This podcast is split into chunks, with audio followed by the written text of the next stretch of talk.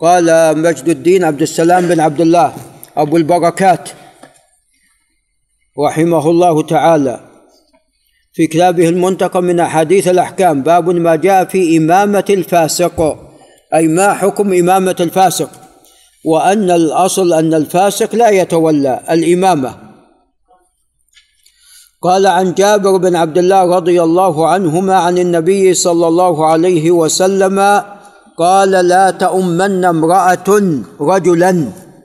الرجال هم المقدمون.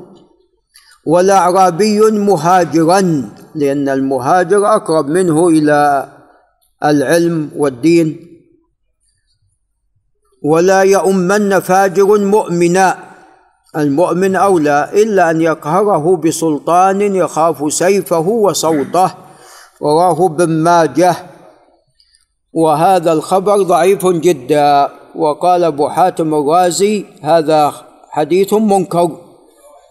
قال وعن ابن عباس رضي الله عنهما قال قال رسول الله صلى الله صلى الله عليه وسلم اجعلوا أئمتكم خياركم فإنهم وفدكم فيما بينكم وبين ربكم.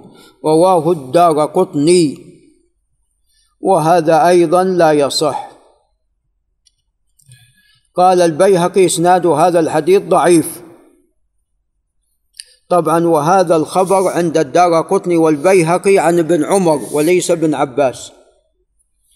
قال وعن مكحول الشامي وهو لم يسمع من أبي هريرة كما سوف يأتي. عن أبي هريرة رضي الله عنه قال قال رسول الله صلى الله عليه وسلم الجهاد واجب عليكم مع كل أمير. برا كان أو فاجرا والصلاة واجبة عليكم خلف كل مسلم. برا كان أو فاجرا.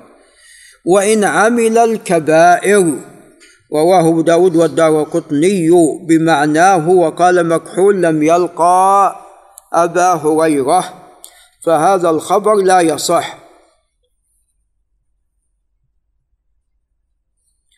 نعم ومعناه طبعا صحيح الجهاد واجب عليكم مع كل أمير برا كان أو فاجرا والصلاة واجبة أي صلاة الجماعة. نعم حتى ولو كان هذا الشخص فاجر إذا لم تكن إذا لم يكن إلا هذا الشخص. نعم يعني سلطان وقهر الناس. نعم. قال وعن عبد الكريم البكاء قال أدركت عشرة من أصحاب النبي صلى الله عليه وسلم كلهم يصلي خلف أئمة الجور رواه البخاري في تاريخه. وقد جاء عن الصحابة أنهم كانوا يصلون خلف الحجاج. نعم هذا وبالله تعالى التوفيق.